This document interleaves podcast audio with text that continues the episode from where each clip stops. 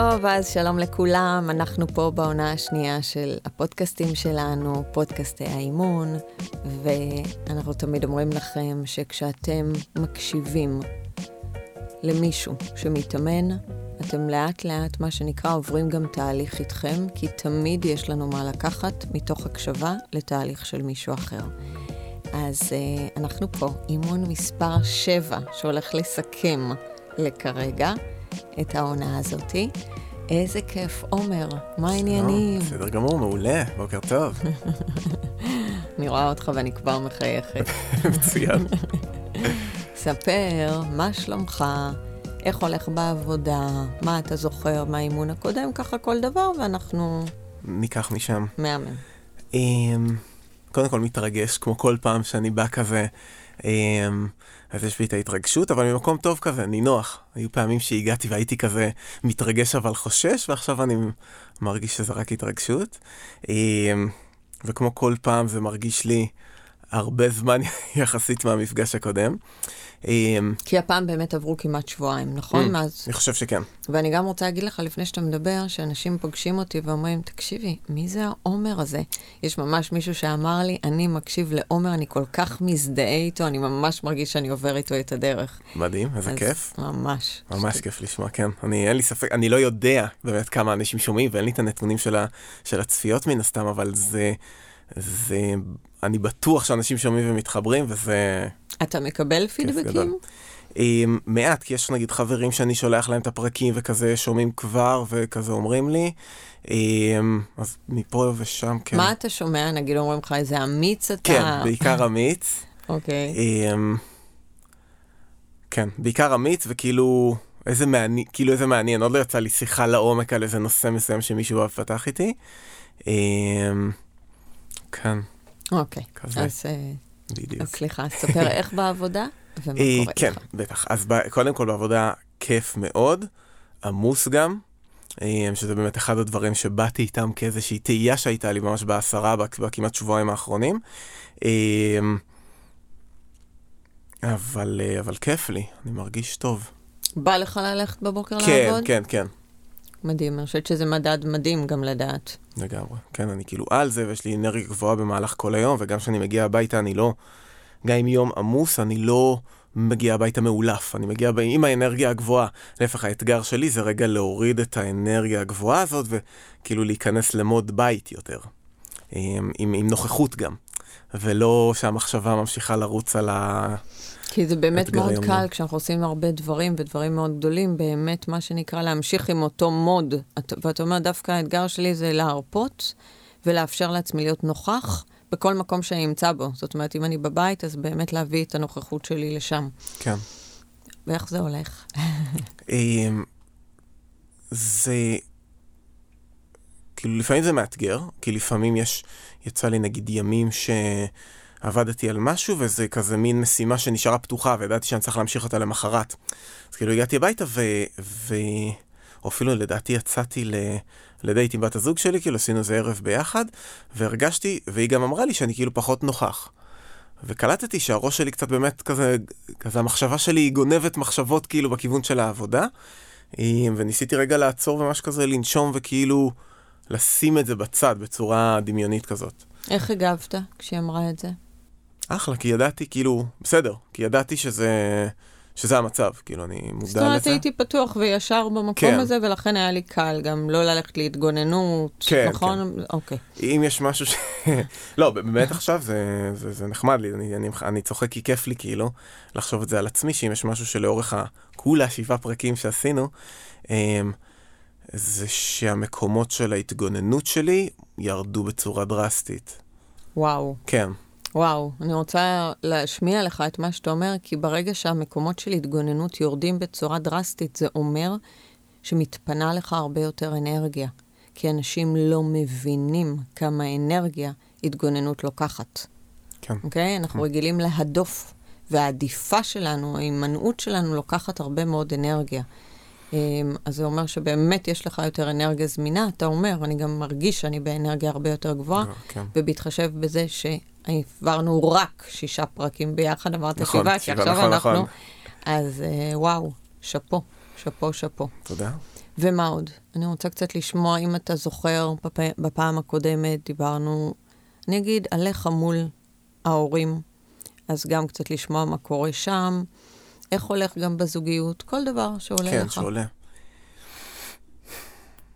אמ, וואלה, לא קרה משהו עם ההורים ספציפית בעשרה ימים האחרונים. מה כן קרה? כאילו פה ושם ד- דיברנו, לדעתי שיחת טלפון, אבל אמ, זה לא, שנקרא, זה לא העסיק אותי, סלאש הטריד אותי בימים האלה, זה לא, כאילו... מה? אתה מנסה להגיד כאילו מה? לא, כאילו פשוט כלום, כאילו בא- באתי להגיד כאילו פשוט כלום, לא, לא הייתה איזו אינטראקציה משמעותית יותר מדי, ואני אומר גם מבחינתי ש- שלי זה לא, כאילו לא היה לי פנאי לחשוב על זה, במובן מסוים. אוקיי, ואם אם אני מבינה נכון, אתה אומר, גם לא היה לי איזה מקומות לא נעימים מול זה, שלמה הם לא מתקשרים, או זה לא בסדר שאני לא מתקשר, זה פחות, אתה אומר, אני פחות שמתי לב לשיחות כאלה פנימיות שיש לי. כן, כן. אוקיי, וכשכן דיברתם? או אני אשאל מתי ראית אותם לאחרונה. אה, מתי ראיתי אותם? לא זוכר, חודשיים, שלושה כזה? באמת? אם אני לא טועה, משהו כזה, כן. שזה דבר רגיל? זאת אולי את אומרת, אמא שלי לפני חודש בעצם. אה, זה יותר רגיל בשנה, שנתיים האחרונות, בטח עם הקורונה, שגם ככה כאילו סוג של התרגלתי, התרגלנו כולם כזה למין אה, תדירות יותר נמוכה בכלל לצאת מהאזור האישי. אז כן, משהו בסגנון הזה. אוקיי, אוקיי. אז על מה היית רוצה היום שנתעסק בו, בעיניך? אמ, איזה עוד צעידה היית רוצה מפה, לפני שאנחנו הולכים באמת להפסקה הזאת? כן. אמ, אני חושב שהדבר זה, זה שיחה שהייתה לי עם בת הזוג שלי באמת אתמול, לגבי העבודה, על מקומות שבהם על, עלה בי קצת תחושה של אמ, סטרס מסוים, על משימה שיש לי, על איזשהו דדליין שיש לי לעשות, על תחושה שלי כלפי המשימה ועד כמה אני מרגיש שאני כזה אמ, יסודי בה. ממש כזה קצת ישב עליי והייתי כזה עד הבוקר הזה טיפה בסטרס סביב זה. אמ, ו- ועוד עוד איזה דילמה שקשורה באמת לקטע של העבודה ושל העומס, כאילו, כי אני זוכר שלפני שהתחלתי לעבוד גם הגדרתי לעצמי מה אני רוצה לשמר בחיים שלי, או מה חשוב לי לשמר באורח חיים שלי כשיש עבודה. והעבודה היא כאילו לרוב במשרד, וכאילו באמת לוקחת את רוב שעות היום, ואני קולט שאני קצת לא, לא עומד במה שרציתי. מה זה אומר? שאני אני באמת מרגיש בשבועיים האחרונים שאני... יש לי פחות זמן לעצמי עם עצמי. אני מרגיש שאני באמת לרוב יותר במין מוד עבודה טכני כזה ביצועיסטי, ופחות נוכח עם עצמי. כאילו ממש ככה, כזה... ואני אני עדיין מחפש את האיזון עכשיו, כן? אוקיי. קודם כל, אני רוצה לשאול אותך, על מה אתה חושב שזה יושב? כל, uh, אני שאלתי מה היית רוצה שנתמקד בו, ואתה אומר, אני שם לב שבמציאות הגדרתי לעצמי דברים שחשובים לי לפני שהתחלתי לעבוד, ואני רואה איך יש שם איזשהו ויתור כן. על מקומות שחשובים לי, כולל לפגוש את עצמי, ואני יותר במוד, אתה אומר של, אני אגיד, של איזה מרוץ, שהרבה פעמים, הרבה מאיתנו חיים בו, אבל זה כמו על איזשהו אוטומט מסוים.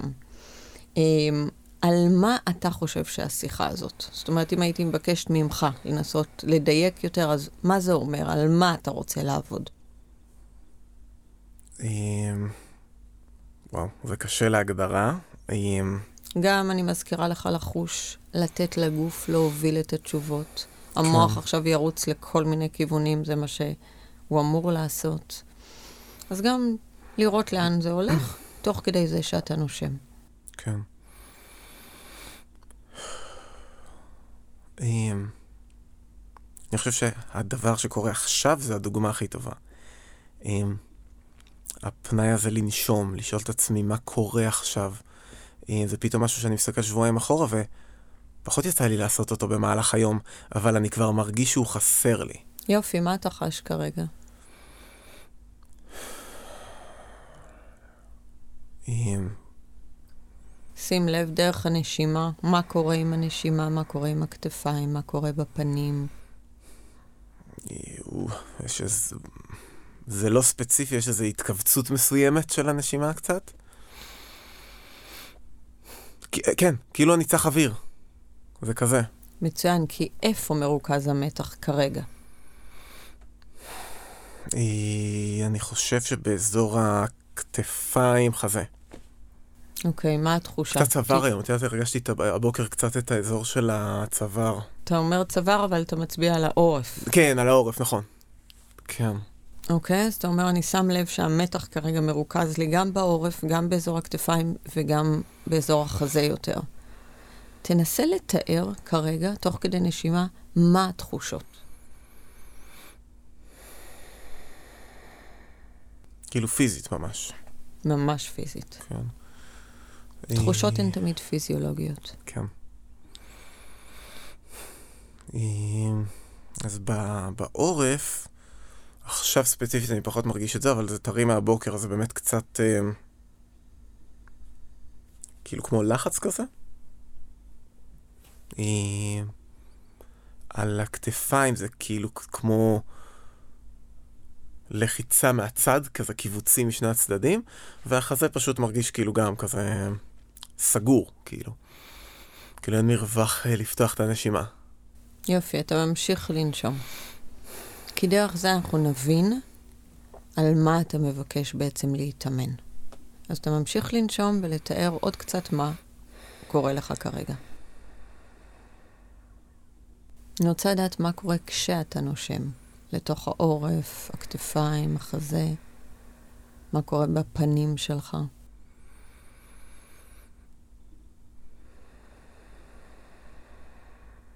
אה, מעניין, יש לי איזה, לא יודע, עולה לי חשש, דווקא באזור של הבית חזה, ממש באמצע. איך אתה יודע שזה חשש? אה, וואו, אין לי תשובה לוגית לזה. כאילו, למ- אני למדתי להרגיש את זה, כאילו, את החשש, משהו, אני מרגיש שזה כאילו משהו כזה עולה כזה, אה, בתוך הגוף. ואני עדיין שואלת איך אתה יודע שזה חשש, כי לדוגמה, מי אמר שזה לא יכול להיות התרגשות?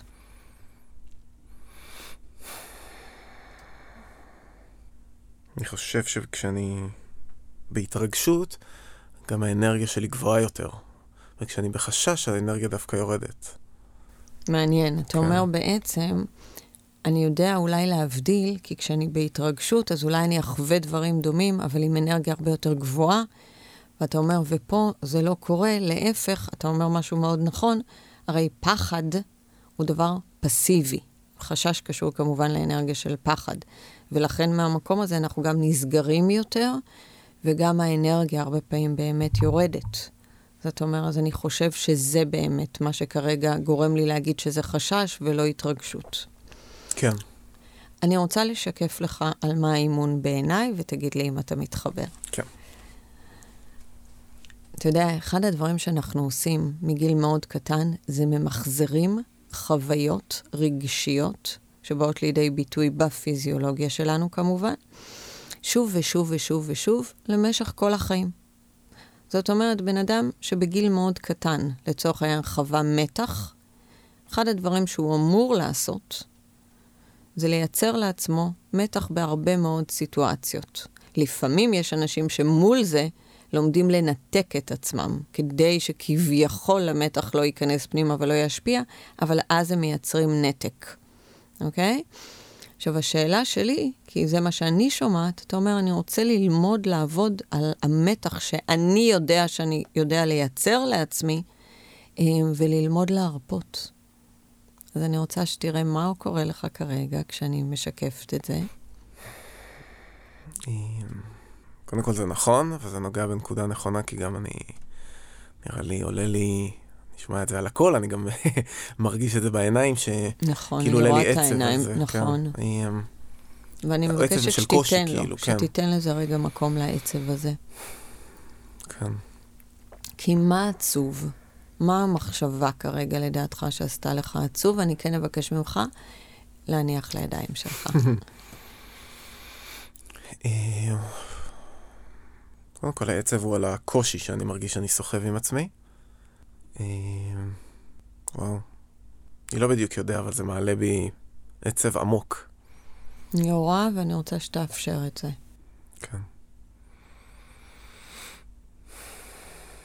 ואם רק תנשום, אז לאט לאט יכול להיות שיעלה לך משהו, אולי זיכרון, אולי הקשר, מבלי לאלץ את זה. זאת אומרת, אתה אמור להיות כרגע במאבק הזה. של. בין הרצון לשחרר את המתח לבין הפחד. מה קורה בגרון? אמ, אמ, עולה בו איזה כזה מחנק כזה בגרון. כי חונק אותך לשמוע ששאלתי או שיקפתי בעצם שאחד הדברים שלמדת זה לייצר לעצמך מתח? קודם כל עשו את זה לך, תמיד קודם כן. עושים את זה לנו, אחר כך אנחנו מקיימים את זה. באופן לא מודע כמובן. כן. אמ, קודם כל, משהו בעצב כאילו מעלה את המחנק בגרון. ואני גם מבין מת- מתוך הדבר הזה כמה זה באמת, כאילו באמת, כזה, לא יודע, באמת חונק אותי, כאילו אין לי מילה אחרת לתאר את זה, כן? כמה זה, לא יודע, מצמצם אותי ממש. כן, ואיכשהו ברור לי שאני מתנהל שם מאיזה פחד כלשהו. נכון, והולך לשחק חזרה עם הידיים שלך. כן. אמ, תמשיך לנשום. אני רוצה בבקשה שתמשיך לנשום, תיתן למקום הזה את המקום אצלך, כי בעצם אני רואה את מה שקורה לך, ואתה אומר, יש משהו שחונק אותי ועצוב לי. עצם זה שאני בכלל מדבר את זה, זאת אומרת, עצם זה שאנחנו שמים את זה כנושא, על כמה אתה מורגל לייצר, ומה שנקרא להיות במתח. כן, ואז יש טריגרים חיצוניים, כמובן, שאנחנו נזקקים להם, כי אנחנו משתמשים בהם כמו באמת התחלתי עבודה חדשה, כמו באמת חיים מאוד אינטנסיביים. נגיד, אני זוכרת שאחד השינויים הכי גדולים שלי היו, לפני בטח עשר שנים, זה כשדיברתי בזמנו עם המטפלת שלי, זיכרונה לברכה, ואמרתי לה, אבל את לא מבינה, אני חיה כאלה חיים אינטנסיביים, אני זה ואני זה, ואני לא יכולה, והבנות לא, והזה לא, והפה. ואז היא הסתכלה עליי ואמרה לי, תגידי, יש אפשרות שיהיו לך חיים אינטנסיביים ועדיין לא תהיי במתח או לא תקטרי על זה? ואני זוכרת את הרגע הזה שהיא שואלת אותי את זה, ואני אומרת, וואט? כאילו, מה, זה אפשרי? Hmm, כן, אז אה, אם הייתי שואלת אותך שאלה, והייתי אומרת לך, תשמע, כמו שאמרתי, בהתחלה יצרו לך מתח. לפעמים המתח נוצר על ידי זה שילד עד למריבות בין ההורים שלו, או למתח בבית, או הרבה פעמים מתח הוא גם תוצאה שילד לא יודע לצפות, לצפות מראש איך מבוגר יתנהל. ואז אנחנו כל הזמן דרוכים, כי אנחנו, נגיד ילדים, גם אם המציאות קשה להם, אבל אם יש בה עקביות, והם יודעים בדיוק על מה אימא או אבא יכעסו, זה הרבה יותר קל מאשר שפעם הם כועסים על זה ופעם הם כועסים על זה. זאת אומרת, זה מייצר לילד הרבה מצבים של דריכות. אז זה יכול להיות מכ- מכל מיני מקומות, ומאחר וכפי הנראה, בטח לא כרגע, נדע במקום השורשי מה המקור של זה, אז אני כן אשאל אותך אם זה בסדר שנסתכל מהמקום, איך היום אתה מייצר לך מתח בחיים שלך. כן. דווקא יש לי שמץ של המקור השורשי, אבל... וואו, אה, רגע, לא, אז כן. תביא. אמ, כאילו בחוויה שלי כילד הייתי הרבה מצטרף לאבא שלי כזה בעבודות בבית, כזה בימי שישי, שישי אחר הצהריים. אה, התחיל מגיל יחסית, יחסית קטן, מיסודי כזה שהייתי מצטרף אליו, ולאט לאט כאילו לאורך השנים זה היה כזה יותר, אה, העבודות כזה נהיו, תפסו חלק כזה יותר משמעותי, שלפעמים בא אצלי גם על חשבון אה, בילוי עם חברים נגיד, כי כזה כזה, כי ידוע שביום שישי עובדים עם אבא כזה. אמ, זה עבודות גינה, או שעבודות... אה, כזה, כן, גינה, בית, כאילו, אתה יודע, אני צוחק כאילו, כי בסוף אני יודע לעשות מיליון דברים בבית, באמת, דברים שאנשים לא, כאילו, מגיעים, שזה אדיר, זה כוח כאילו מגניב, אבל החוויה שלי סביב זה הייתה חוויה כאילו מאוד של מתח ומאוד שלילית. כאילו, גם במקרים מסוימים ש...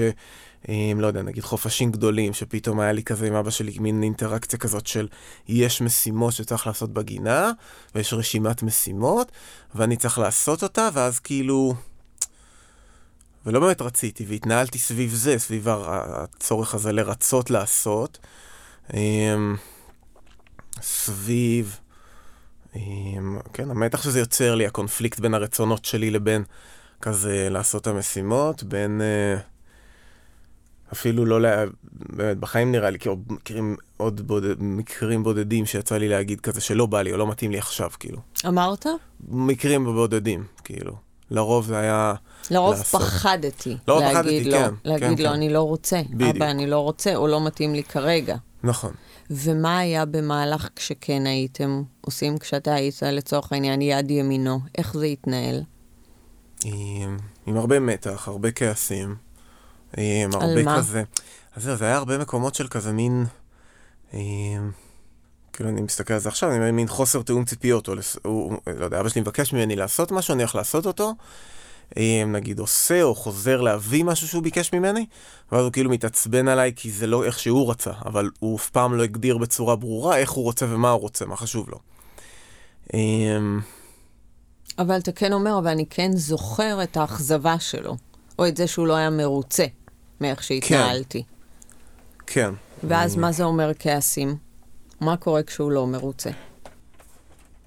אה, לא יודע, כזה מתעצבן, מרים את הקול. אה, אוקיי, ואז מה קורה לך? עכשיו, אתה יכול לנשום, לראות מה קורה לך בגוף. קודם כל אני דרוך וכזה קצת אה, כופה במובן מסוים.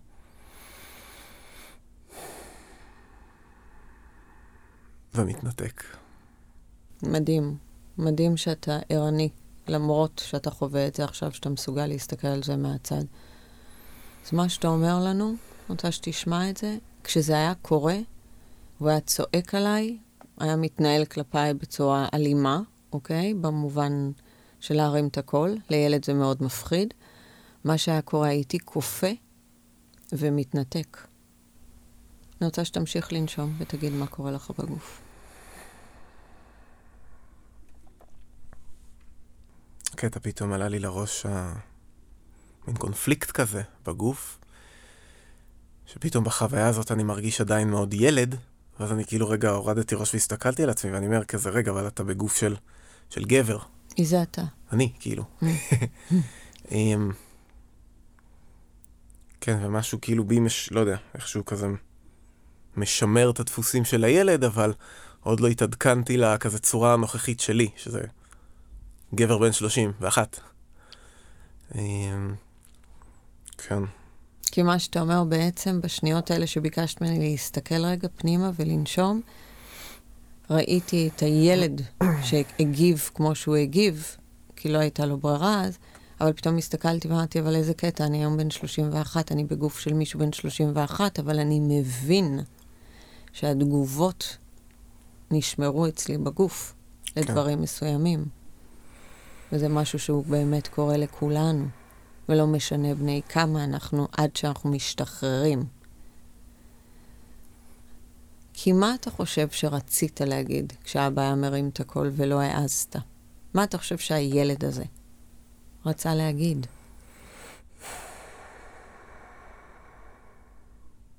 אמ, דבר ראשון שעולה לי זה מין תגובה יותר אמ, כעוסה כזאת, שכאילו עודפת אותו בחזרה, כאילו כזה, תשחרר ממני, אל תרים עליי את הקול.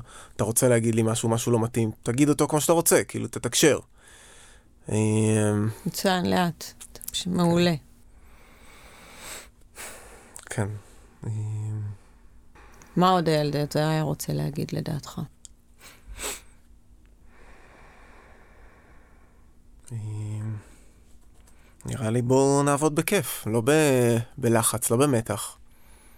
אנחנו כבר עובדים ביחד, אז כאילו, שיהיה נעים, שיהיה נוח, שיהיה... לא חושבת שהילד היה רוצה להגיד את זה. לא, רוב הפעמים שזה לא בא לי כרגע לעשות את זה. נכון, תכלס, כאילו. נכון, נכון. לא סתם אמרת שמיד עלה לך משהו כעוס, כי הילד בתוכנו, ששוב, לכולנו יש את זה, לא רק היה רוצה להגיד בדיוק את מה שאמרת, תשחרר ממני. אני אגיד שילד הרבה פעמים רוצה להגיד, אני שונא אותך, אני לא רוצה. ויותר מזה, בא לי להיות עם חברים שלי, וגם לא בא לי שתכריח אותי. כן. ואני רוצה שתראה מה עולה לך.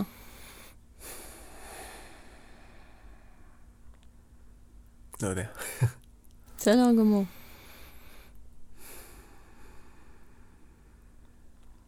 אני רוצה שעוד קצת תנשום, עוד קצת תהיה עם זה.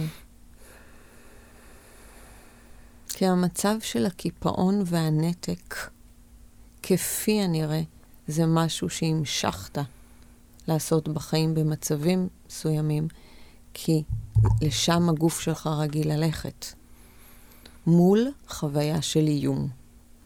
עכשיו, זה בדיוק מנגנוני הגנה, אני אומרת את זה כי, כדי שאנשים יבינו שמה שהתאים לנו בגיל שנתיים, שלוש, חמש, שמונה, הוא כבר לא מתאים הרבה פעמים, ולכן זה היה מאוד יפה שאלת, בוא'נה, אבל זה בגוף של 31, אני אמור להיות בן אדם חופשי. Mm-hmm. אבל אנחנו ממשיכים לעשות את אותו דבר, רק שהמשמעות היא שאנחנו חייבים לחוות איום בשביל להפעיל את אותם מנגנוני הגנה של קיפאון ונתק. זאת אומרת שאתה אמור שכל פעם שאתה חווה איום, בין, הוא, בין אם הוא אמיתי ובין אם הוא לא, כל פעם שאתה חווה איום, אתה אמור ללכת למקומות האלה בגוף הפיזי שלך. והמקומות האלה, שהם נקראים מנגנוני הגנה, מכבידים עלינו. זה כאילו אנחנו הולכים עם מלא כלי נשק שהם כבדים לנו ואנחנו בכלל לא זקוקים להם. כן. אז זה חלק מהעבודה המאוד עמוקה שאנחנו עוברים אותה בתהליכי אימון. אז אתה ממשיך לנשום. ואני אחזור לשאול איך היום אתה מייצר לעצמך מתח.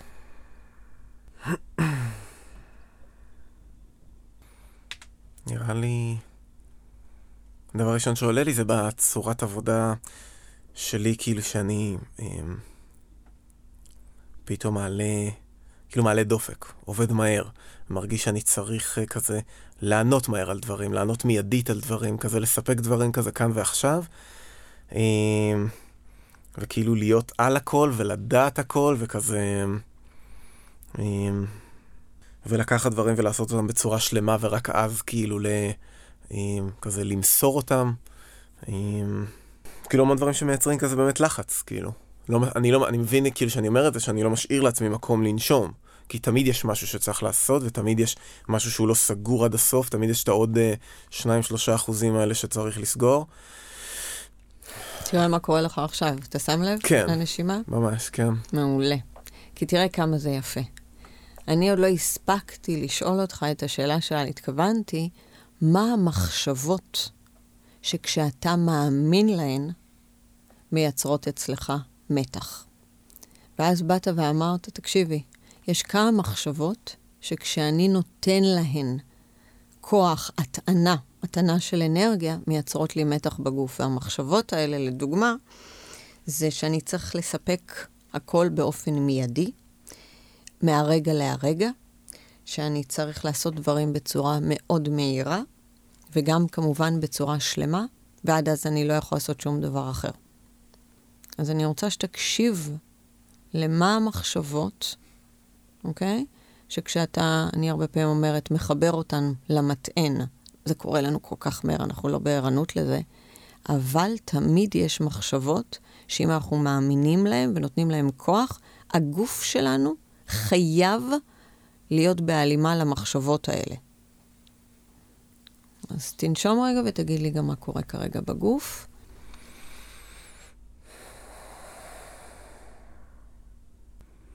קודם כל אני מרגיש שאחרי התיאור הזה, שבו דרך התיאור העליתי ממש את האנרגיה הזאת שאני מייצר לעצמי, אז אני מרגיש עכשיו שאני כזה צריך קצת אה, כאילו להוריד אותה חזרה, אבל אני גם מבין, אה, אני מבין טוב איך אני, ככל שאני מעמיס, ולא נותן לעצמי את הרגיעה הזאת, אז אני באמת מגיע למצב של, שהסוף שלו זה להתנתק. זאת אומרת, אחד הדברים שאתה אומר, אני הצלחתי לראות עכשיו, קודם כל, מה קורה כשאני באמת מאמין למחשבות האלה, איך בשנייה הכימיה שלי בגוף משתנה, כן. והגוף שלי מתגייס למתח, ופתאום, וגם אמרת כל כך יפה, ואז אני מבין שמול כל המתח הזה, מגיע שלב שאני חייב להתנתק, כי זה קשה מדי לשאת את כל המתח הזה. כן, כן, ואז באמת זה מוד של כזה עבודה על אוטומט. ואז אתה חוזר לשחק בידיים, נכון. כן. נכון, נכון. אז להמשיך לאט-לאט. כן. אני רוצה לבקש ממך תמונה של מישהו שעובד ברמת האינטנסיביות שאתה עובד, שנמצא בזוגיות בבית, שעדיין אין לו ילדים אמנם, אבל אני... ואיך הוא עושה את אותם דברים בדרך שהיא נטולת מתח. או שאני אשאל אותך גם מה ההפך מלהיות מתוח מבחינתך. כאילו ההפך ממתוח זה להיות, לא יודע, אני קורא לזה בשלווה. אני לא יודע כל כך לתאר את זה, כי אני באמת לא בטוח שאני חוויתי כאילו שלווה אמיתית. מעניין, אולי בתקופה שלי בין העבודות אולי חוויתי את זה. יש אנשים שאתה מכיר אותם שהם שלווים? במרחב שלך, מסביבך? לא עולה לי. לא. מעניין. כן. אתה יודע להראות לי איך נראה בן אדם שעושה בדיוק את מה שאתה עושה, אבל מתוך שלווה פנימית ולאו דווקא מתוך מתח?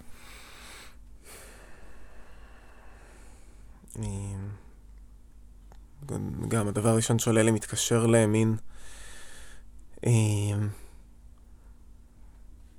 ביטחון עצמי גבוה, נוכחות גבוהה, כאילו נינוחות עם מה ש... כאילו, להיות נינוח עם מה שאני עושה. כאילו, לא להיות טרוד בהאם אני מספיק טוב, או איך חושבים על מה שאני עושה, או כאילו כל הזמן למדוד את עצמי ב... בקטע הזה של האם אני מספיק טוב. איך נראות הפנים של בן אדם שעושה את זה כשהוא שלב? ועוד מעט אנחנו ניכנס עוד כן. קצת לעומק להבין מה זה. איך נראות הפנים, וואו. כן. לא יודע איך אני מתאר פנים רגועות, אני לא יודע. גם אני לא. לא יודע, זה ממש בניואנסים, כאילו, פנים אולי יותר רפויות, פחות מתוחות, פחות אה, כזה מכווצות. אולי? לא אולי, בטוח. אמ, מה עולה לך עכשיו בגוף כשאתה אומר את זה? מה עולה לי בגוף? כן. וואו, שאני לא... לא יודע לדמיין את זה, באמת. ואז אתה מגייס את... אני במאבק, ל... כן, לגייס את הדמיון שלי לאיך זה נראה וכזה, מה... כי מה שאתה עושה עכשיו מולי, זה בעצם מה שאתה עושה בחיים. זאת אומרת, כשאני שואלת אותך איך זה נראה, ואתה אומר בצורה מאוד ישרה, את יודעת משהו? אני פתאום חושב על זה, אין לי שום תמונה של זה. ולכן שאלתי אם יש מישהו לידך שאתה מכיר, ואתה אומר, אין לי. ואז במקום הזה שאתה לא יודע מה בעצם קורה לך. והתכוונתי שמה שאתה עושה מולי, זה מיד מייצר לך מתח. כן. כן. כן. כשאני לא יודע, אני קודם במתח. כי מה מאיים בלא לדעת? לחוש. כן, כי אם אני לא יודע, אז, אמ, אז כאילו לא... אתה נהיית מאוד עצוב, אל תנסה להסביר כן. את זה מהמוח, זה לא, לא ילך כאילו משם. כאילו לא... אם אני לא יודע, אז כאילו לא, לא צריך אותי, אני מיותר כאילו. כי אם אני לא יודע, עלולים לוותר עליי? כן. אני כאילו קונה את הזכות קיום שלי בלדעת. בגלל זה אני יודע דברים, אני יודע לעשות דברים, אני כאילו... עשיתי קריירה, הפכתי להיות מאוד טוב כל הזמן, כדי שלא יוותרו עליי. כן. זה באמת עצוב, אתה לא סתם עצוב. ואתה יודע, כנראה שגם כילד היית מול סיטואציות מסוימות, אפילו כמו שאנחנו מדברים עם אבא, היה שם קונפליקט מאוד גדול בין תעזוב אותי ואני שונא אותך ואל תציק לי, לבין הצורך להיות מספיק טוב ולעשות המון דברים שהוא כן ביקש בדרך הכי טובה, כדי שהוא לא יוותר עליך. כי זה מה שאנחנו עושים כילדים. אנחנו אמורים מאוד לפחד שיוותרו עלינו. אבל הסיבה שאנחנו אמורים לפחד זה כי אנחנו תלויים באנשים שמגדלים אותנו. וזה הופך אותנו, התלות הזאת, שהמקור שלה תמיד בפחד, להיות חסרי אונים כשאנחנו באמת לא יודעים משהו. כן. ואתה אומר, ומשהו בי הסכים כל החיים להיאחז במחשבה הזאת, שאם אני לא אהיה מספיק טוב, יוותרו עליי. הדינמיקה כאילו עם, עם אבא שלי בקטע הזה הייתה, או נגיד, היא לא הייתה, זה בסדר שאתה לא יודע דברים, אלא להפך, זה היה יותר, כדי שאני אעבוד איתו, זה היה גם כאילו מין מניפולציות כאלה של כאילו, אני כזה אסתדר בלעדיך אם תלך, כאילו מניפולציות, האם אני רוצה ללכת לחברים, אז כאילו, כאילו יש כל מיני כזה מניפולציות של למה אני צריך כזה להישאר ועדיף, אז כאילו ממש כאילו, כאילו, זה, נתליתי בפחד הזה ממש. בפחד של מה? של באמת אני אהיה נראה לי מיותר כאילו בין אבא שלי בקטע הזה. Mm-hmm. הפחד הזה שהוא באמת כן, יוותר כן, עליי. כן. עם כל זה שרציתי ללכת, אבל גם לא רציתי שהוא יוותר עליי. אבל מה שאתה גם אומר בין השורות, ותעזוב את הידיים שלך, מה שאתה אומר בין השורות, אתה אומר, אבל כשלא ידעתי, לא הייתה הכלה למקום הזה. כן. להפך, אם אני מבינה, זה ייצר כעס. אותו כעס שאני מביא ליחסים הפנימיים שלי עם עצמי, כשאני לא יודע משהו. כן. זה מובן לך מה שאמרתי? אני לא רואה איך אני מפנה את הכעס הזה כלפיי, אבל אני מבין את החלק של המתח שאני מייצר על עצמי, זה כן. זאת אומרת, אני לא ער לזה, למה המחשבות או איפה האנרגיה הכועסת שאני מביא כלפי עצמי באותם רגעים. אני כן רואה איך אני כן מגייס מתח, אבל המילה כעס, אתה אומר פחות. כן. אוקיי, okay, זה מקום להסתכל עליו. אני שמה סימן שאלה, כי הרבה פעמים אנחנו עושים בדיוק את מה שעשו לנו. והמערכת היחסים הפנימית שלך לעולם ממה שמשתקפת בחוץ. זאת אומרת, בן אדם שרך כלפי עצמו כשהוא לא יודע, זה העד שהוא יקבל מהמרחב. אבל כשבן אדם שמייצר לעצמו מתח על ידי גם כעס על מקומות אצלו, או ביקורת. אתה יודע, בביקורת יש גם אנרגיה של כעס הרבה פעמים. אז זה ישתקף לו גם בחוץ. זה ברור? כן. כן.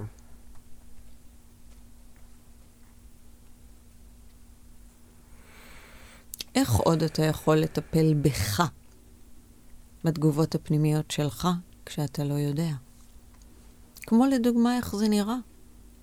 להיות מישהו שיש לו חיים מאוד אינטנסיביים, אבל הוא עושה את הדברים מתוך נינוחות. אתה זוכר מה שאלתי? כן.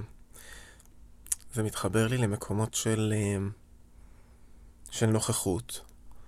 אה, נגיד סתם, אני מסיים יום עבודה ואני נמצא עם בת הזוג שלי בבית, אז כשאנחנו יוצאים, אז להיות נוכח. או שאני עם עצמי בבוקר אה, יושב, שותה קפה בבית קפה ויש לי זמן לעצמי, אז, אה, אז להיות נוכח עם עצמי. אה, או במהלך היום כזה ממש לייצר לעצמי את ה... כזה מקומות האלה שהם כזה הפוגות, כאילו. נכון, אבל אתה הלכת עכשיו למקומות המאוד טכניים. נכון. וזה נכון. היה מעניין, כי כשאני מסתכלת עליך, וכשדיברת אז להיות נוכח, גייסת מתח כדי להגיד את זה. זה היה פחות בטון של הקול שלך, ואני ראיתי מה עשית עם הידיים. ואני רוצה להזכיר לך מה אני שאלתי. שאלתי, ביחסים הפנימיים שלך איתך, כשאתה היום לא יודע משהו, מיד אתה מגייס מתח סביב זה על ידי זה שיש חשיבה שאתה צריך לדעת, או לעשות הכל כדי לדעת. בכוונה עכשיו מדברת גם בחתך דיבור הזה. ואני שואלת, איך מישהו שהוא נינוח, איך הוא מטפל בעצמו מול מקומות שהוא לא יודע? לא יודע. מה קורה לך בגוף כרגע? וואו, לא יודע מה קורה לי בגוף, אבל מה ש... כאילו עליי, שזה מעניין אותי, איך פה אני מסכים לא לדעת, אה, ויותר נינוח עם זה, ובחוץ כאילו עם עצמי, כלפי עצמי אני לא... מה הכוונה פה?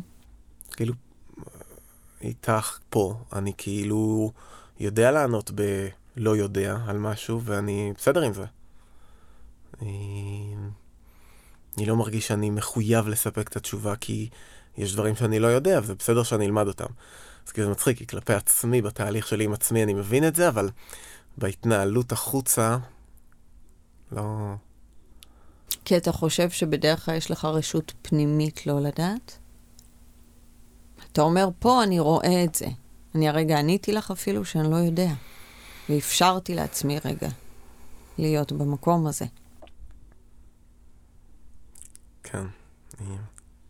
כן, כלפי חוץ כנראה אין לי, אין לי רשות לעצמי לא לדעת. מעניין.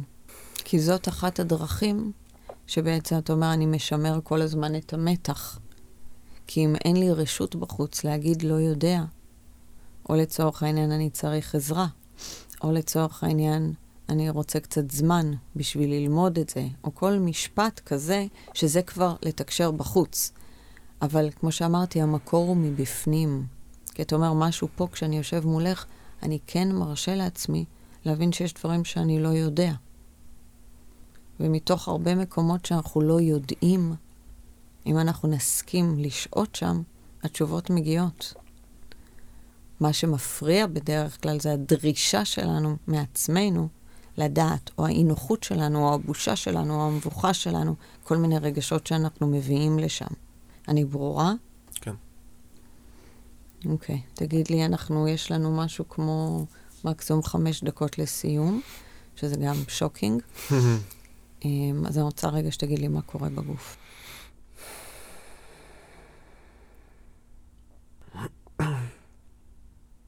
מה קורה בגרון, מה קורה בכתפיים, כל דבר. יש איזו דריכות כללית כזאת.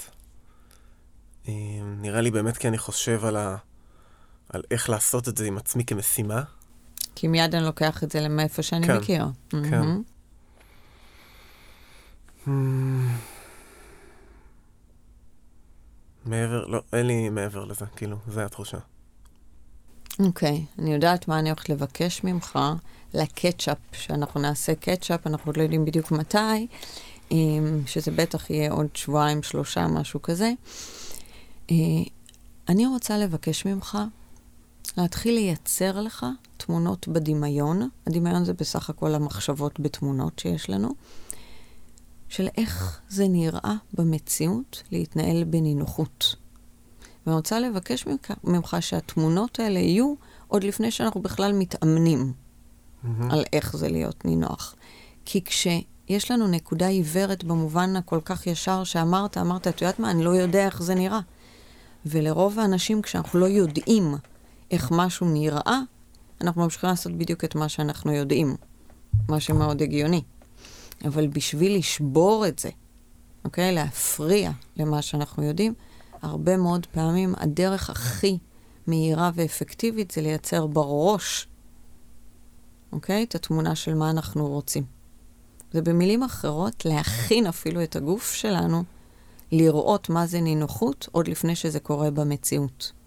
אז אני כבר יודעת שאני הולכת לבקש את זה ממך, והדרך שאני רוצה להציע, ופה אני מביאה קצת אותי, זה לקום כל בוקר עם השאלה, מה זה עבורי להיות בן אדם נינוח? ו- ומה שנקרא, לשחרר את השאלה.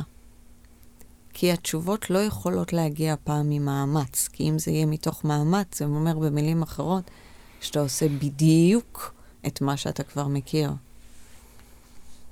מה קורה לך כרגע? לא יודע, כאילו, פשוט אה, אני מבין את ה... אני גם מבין איך אני חושב, כאילו. באמת שאני מנסה תמיד למצוא את ה... לחשוב על משהו, כאילו למצוא אצלי את התשובה בראש, אבל לא לתת לה להגיע.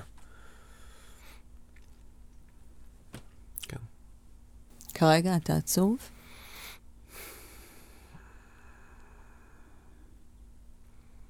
לא. אוקיי. אוקיי. תגיד לנו מה קורה לך בגוף. אין לי... לא יודע, אני לא יודע לתאר. מעולה, התחלת להשתמש ולא כן. יודע. מעולה.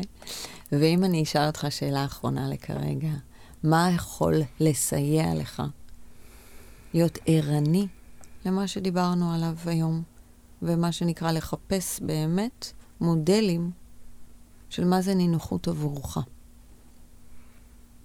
קודם כל להיות מודע עם עצמי, נראה לי בעיקר בגוף, למתי אני בונה את המתח הזה, או מתי הוא כבר קיים. אה, לא יודע אם כזה לעצור ברגע הזה, או פשוט להיות מודע לזה. אה, לגבי הנינוחות, לא יודע, אני צריך להתחיל להסתכל על אנשים בצורה... אה, לא יודע, להתחיל לחפש דוגמאות למקומות של נינוחות אצל אנשים. מעולה. אז אתה אומר כן. שני דברים. אתה אומר, דבר ראשון, אני רוצה לצאת מפה, אם אני מבינה נכון, עם יותר מודעות לאיך אני מייצר לעצמי מתח. אם תצליח גם לראות בזמן אמת, שזה מאוד מאתגר, לאיזה מחשבות נתת כוח שמייצרות לך תגובות פיזיולוגיות של מתח, זה יהיה וואו. ושתיים, אתה אומר לגבי נינוחות, אני רוצה להיות בתשומת לב, נכון? לגבי באמת מודלים של נינוחות, לראות מה זה מבחינתי, אם אני רואה אנשים שהם נינוחים, או מה שנקרא להמשיך עם השאלה הזאת. כן. מדהים. עומר יקירי, אנחנו רק לכרגע מסיימים את שבעת המפגשים. אנחנו, כמו שאמרתי, נעשה קטשאפ, לראות מה קורה איתך, אה, ותודה רבה רבה. תודה רבה לך, מעיין.